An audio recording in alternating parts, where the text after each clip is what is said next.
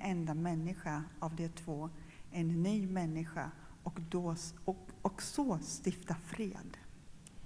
I en enda kropp försonade han både Gud, eh, ursäkta, eh, i en enda kropp försonade han de båda med Gud genom korset så att han i sin person dödade fiendskapen.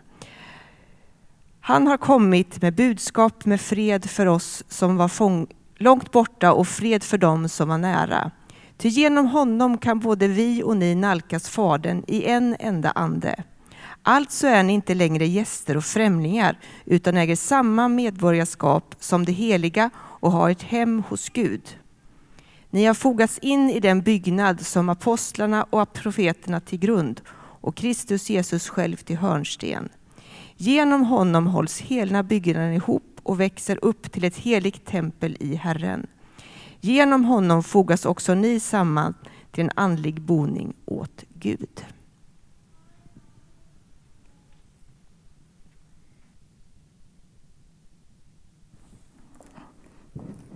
Tack Jesus för att du talar in i våran gudstjänst idag.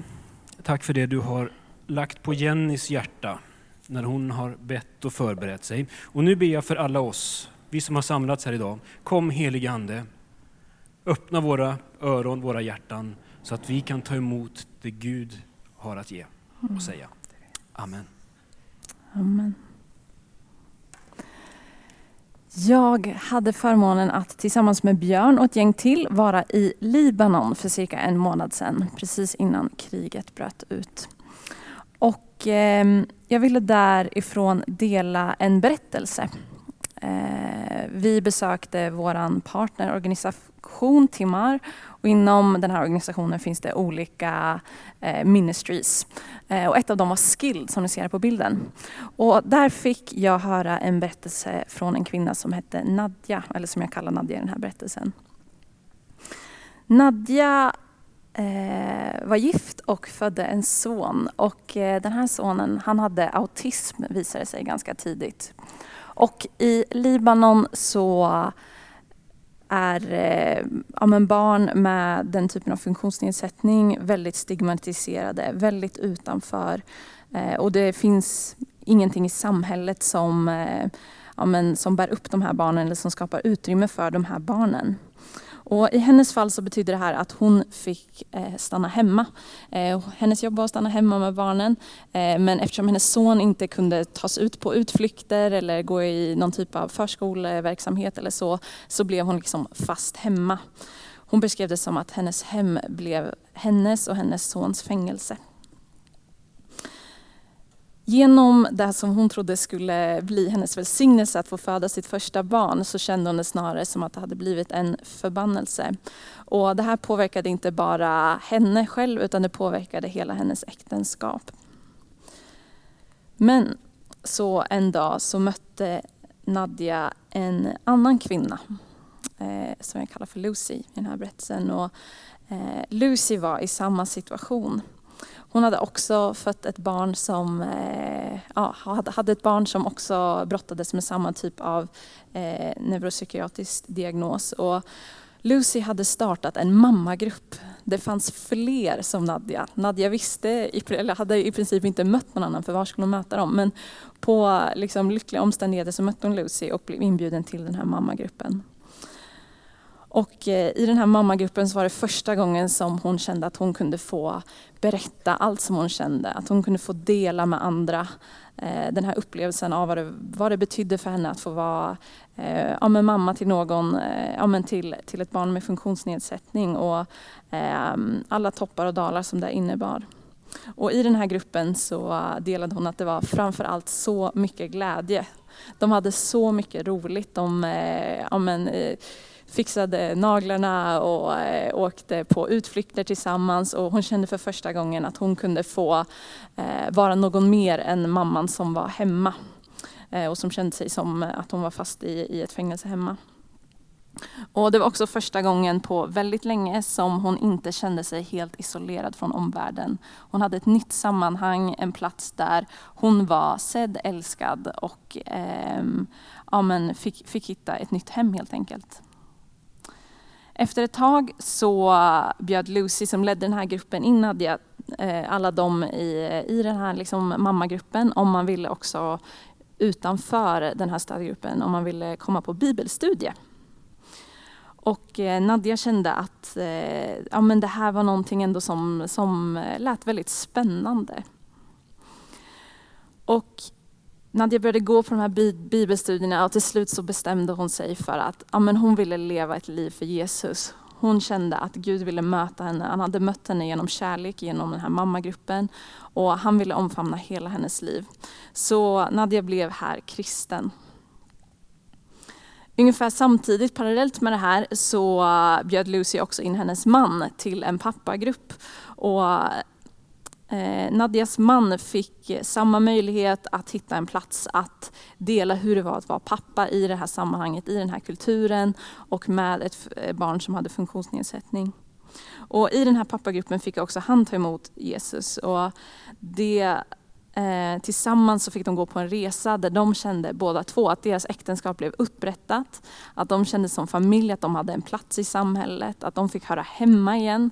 Att de fick eh, åka på utflykter tillsammans med sitt barn för det fanns helt plötsligt några som kunde liksom arrangera aktiviteter och en plats för barn med funktionsnedsättning där de kunde liksom hänga på som familj.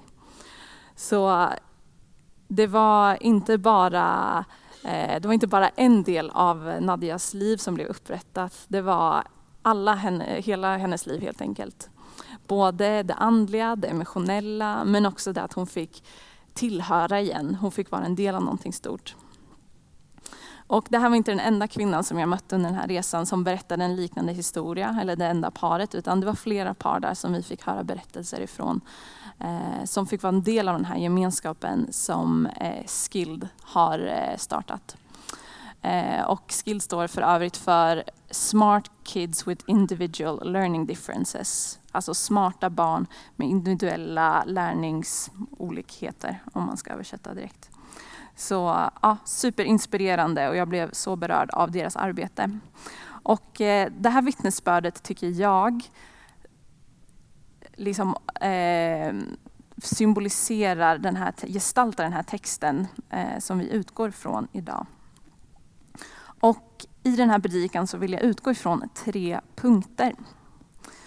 Den här texten är indelad i tre steg. Den handlar om vad vi var innan vi mötte Jesus, vad vi som hedningar var innan vi mötte Gud. Vad vi nu är i Kristus. Och nummer tre, vad det betyder för oss som kyrka. Så om vi börjar med där, var, där vi var innan vi mötte Kristus. Vi kan ta nästa. Jag tänker att vi var som olja och vatten. Att det fanns, eh, ja, men det fanns judar och det fanns hedningar. På den här tiden, eh, innan Kristus hade kommit, så i den här tiden i romarrikets eh, Palestina, så levde inte människor förenade. De levde inte i helhet, utan ett, det fanns ett folk som hade Guds välsignelse, judarna, och så var det hedningarna, det folket som inte hade det. Ett folk hade hopp om att Gud skulle komma och upprätta allting. Det andra folket hade inte det. Hedningarna de var långt borta från Gud. Och även om judarna levde i närmare relation med Gud så var de väldigt isolerade från andra folk. De var som sin egen nationalitet och sitt eget land i ett annat främmande land. Om man säger att vi, de flesta av oss här inne kanske inte har liksom judiskt ursprung, då var vi hedningarna. Vi levde separerade från eh, Guds folk och separerade framförallt från Gud. Vi levde bredvid varandra, men det var som en skiljemur emellan oss som beskrivs här i texten. Och det jag ville peka på idag är kanske att det är så lätt att läsa det här och tänka att det liksom bara var en andlig dimension av det här att eh, ja, men judarna de hade ett förbund med Gud, de hade välsignelsen från Gud och hedningarna hade inte det. Och det är där vi har vunnit. Men jag tänker att det finns flera dimensioner än så. För det finns också en kulturell eh, och liksom social skillnad i eh, hur det var på den här tiden. Judarna följde sina egna lagar, sin egen Tora och sina egna renhetslagar som separerade dem från andra. De var tvungna att hålla sig ifrån de som var sjuka, som var spetälska. De fick bo långt utanför staden. Och de kunde inte beblanda sig för risken att bli orena och därför inte kunna kanske till exempel besöka eh, synagogan på, ja, eh, under helgen. Så. Detsamma gäller eh, den sociala statusen. I romarriket så hade hedningarna högre social status. De som var romerska medborgare hade högre social status. De hade andra rättigheter. De hade rättigheter att liksom vara inför domstol. Eh, Medan eh, judarna som inte var romerska medborgare inte hade de rättigheterna. Och självklart så Eh, skapade detta fiendeskap mellan människor.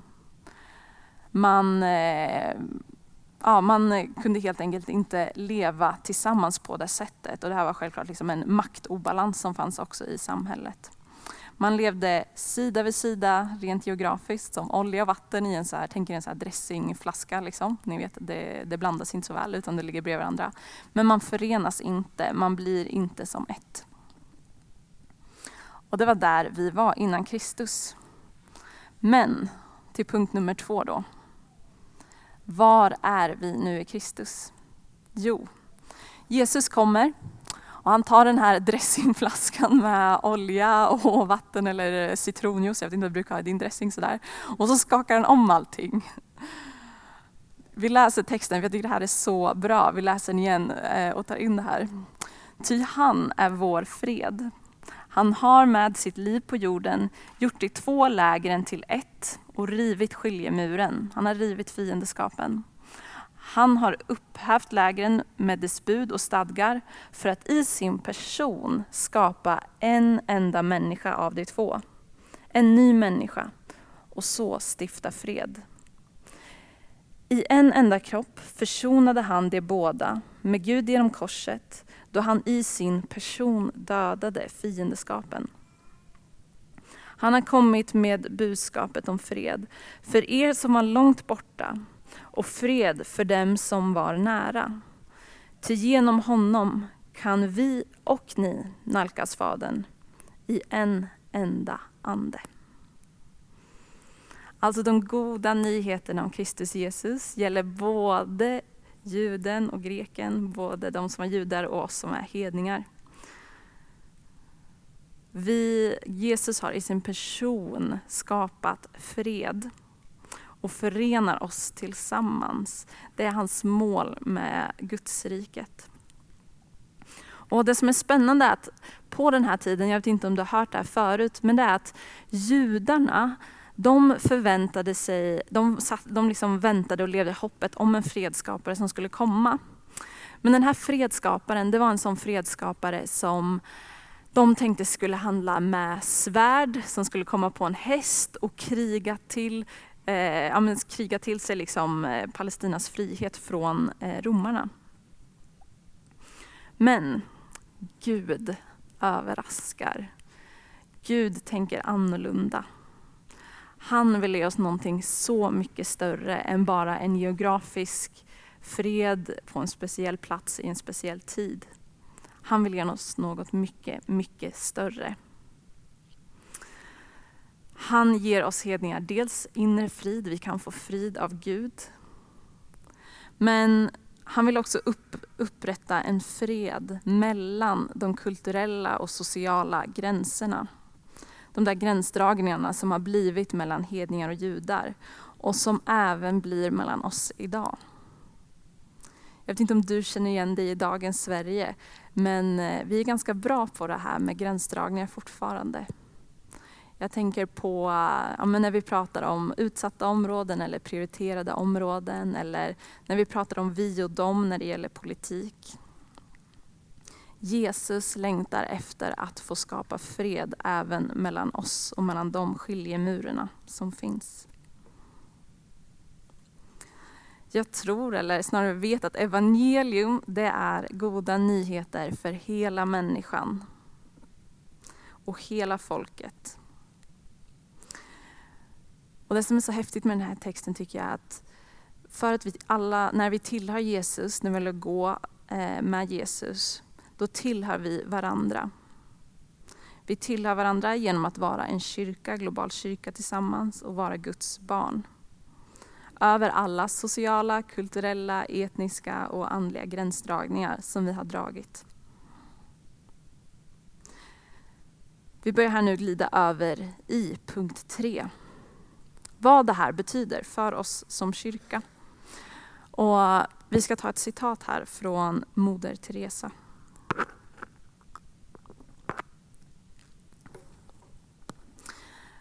Moder Teresa sa så här.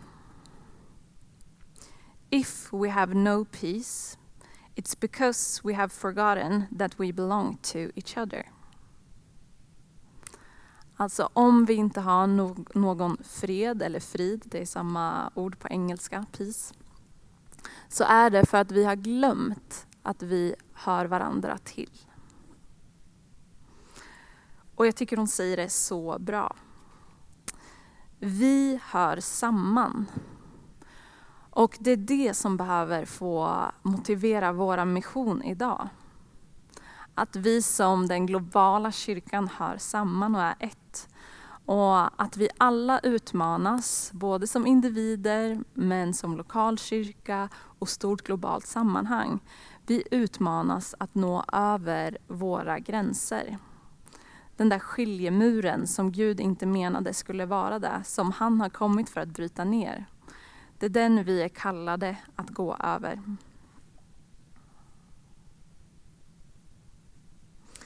Frida, som vi såg här i början på gudstjänsten, hon deltar i just ett sådant annat arbete inom vår mission.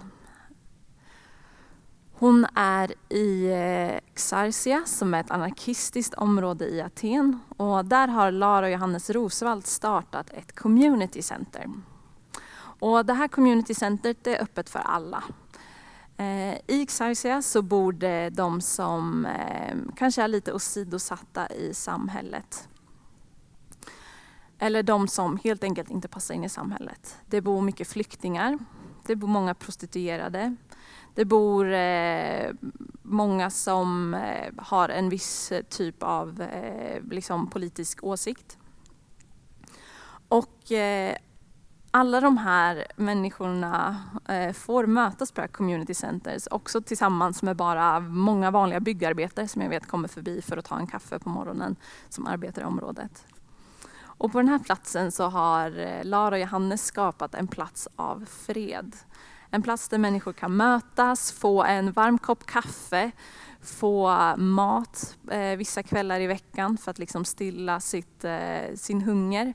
Eh, det finns en free shop som de kallar det, där man kan få ta gratis kläder där man behöver eller ge kläder om man har. Och eh, det finns också möjlighet att få bön och förbön.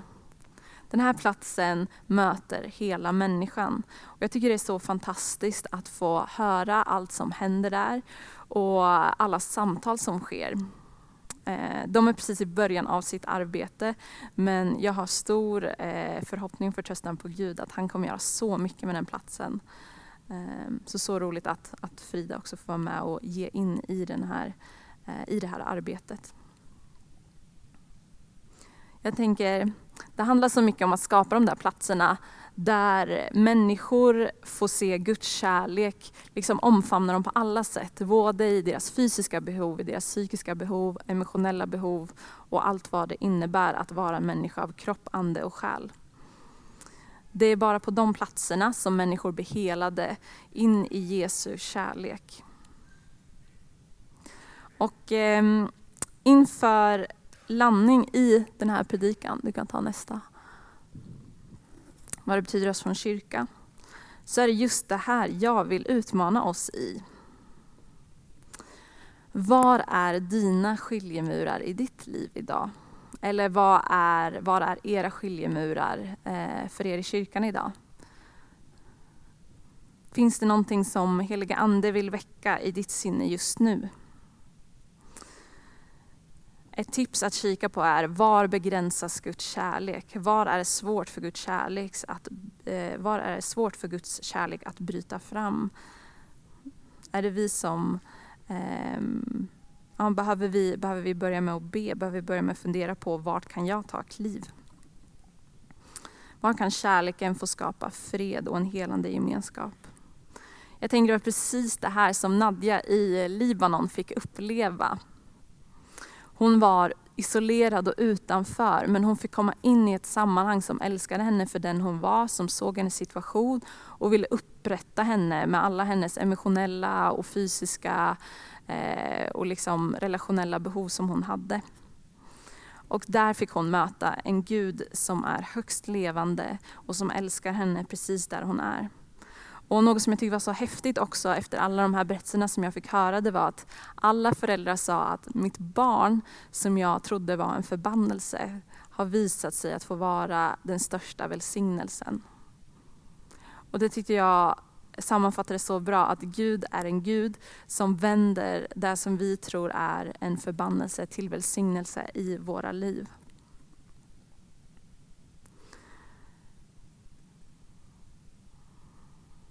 Vad utmanar dig idag?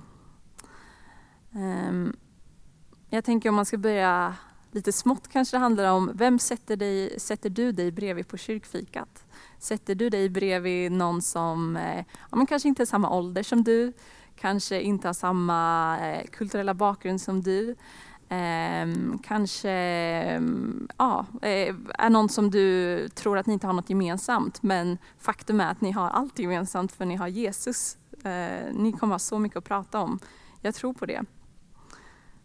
Eller är du villig att gå till den där grannen i din trappuppgång som är den där lite störiga grannen som man inte riktigt känner att man vill prata med men som kanske egentligen verkligen behöver få höra frågan, hur är det där hemma? Är det något jag kan få hjälpa till med? Eller vill du stå med våra kristna bröder och systrar i till exempel Libanon som jag pratat om? Eh, vill du stå med dem i bön eh, och givande för de som kämpar i den här kontexten som är väldigt svår just nu? Eller engagerar du dig kanske för orten här i Sverige? För polisens prioriterade områden. Här i Norrköping har vi ju ja, men vi har Hageby, vi har Navesta, eh, Klockartorpet, Eh, är du villig att gå dit med det som Gud har lagt på ditt hjärta? Gå dit med dina gåvor och eh, ja, men dela Guds kärlek på det sättet som du är bra på. Vad vill Gud lägga på ditt hjärta idag? Jag vet att vi, eh, vi har ett evangelium som spränger alla gränser. Vi har goda nyheter som kan få förändra människors liv. Och Mm, eh, fokuset idag är den internationella missionen, hur det får spridas över hela världen. Och jag ser så mycket i mitt arbete där jag får stå. Men jag vet också att det börjar på det lokala planet, det börjar här. Så oavsett om du är kallad till att vara här i Norrköping eller eh, flytta till andra sidan jorden så vill Gud använda dig. Och eh, den här tiden som vi ska ha nu efter det här för förbön och för tillbedjan så kan du få fråga Gud, vad är mitt nästa steg? Vart ska jag gå? Vart kallar du mig Gud? Gud kallar oss lokalt, nationellt, globalt. Att gå i hans kraft och tjäna honom i stor glädje. Amen.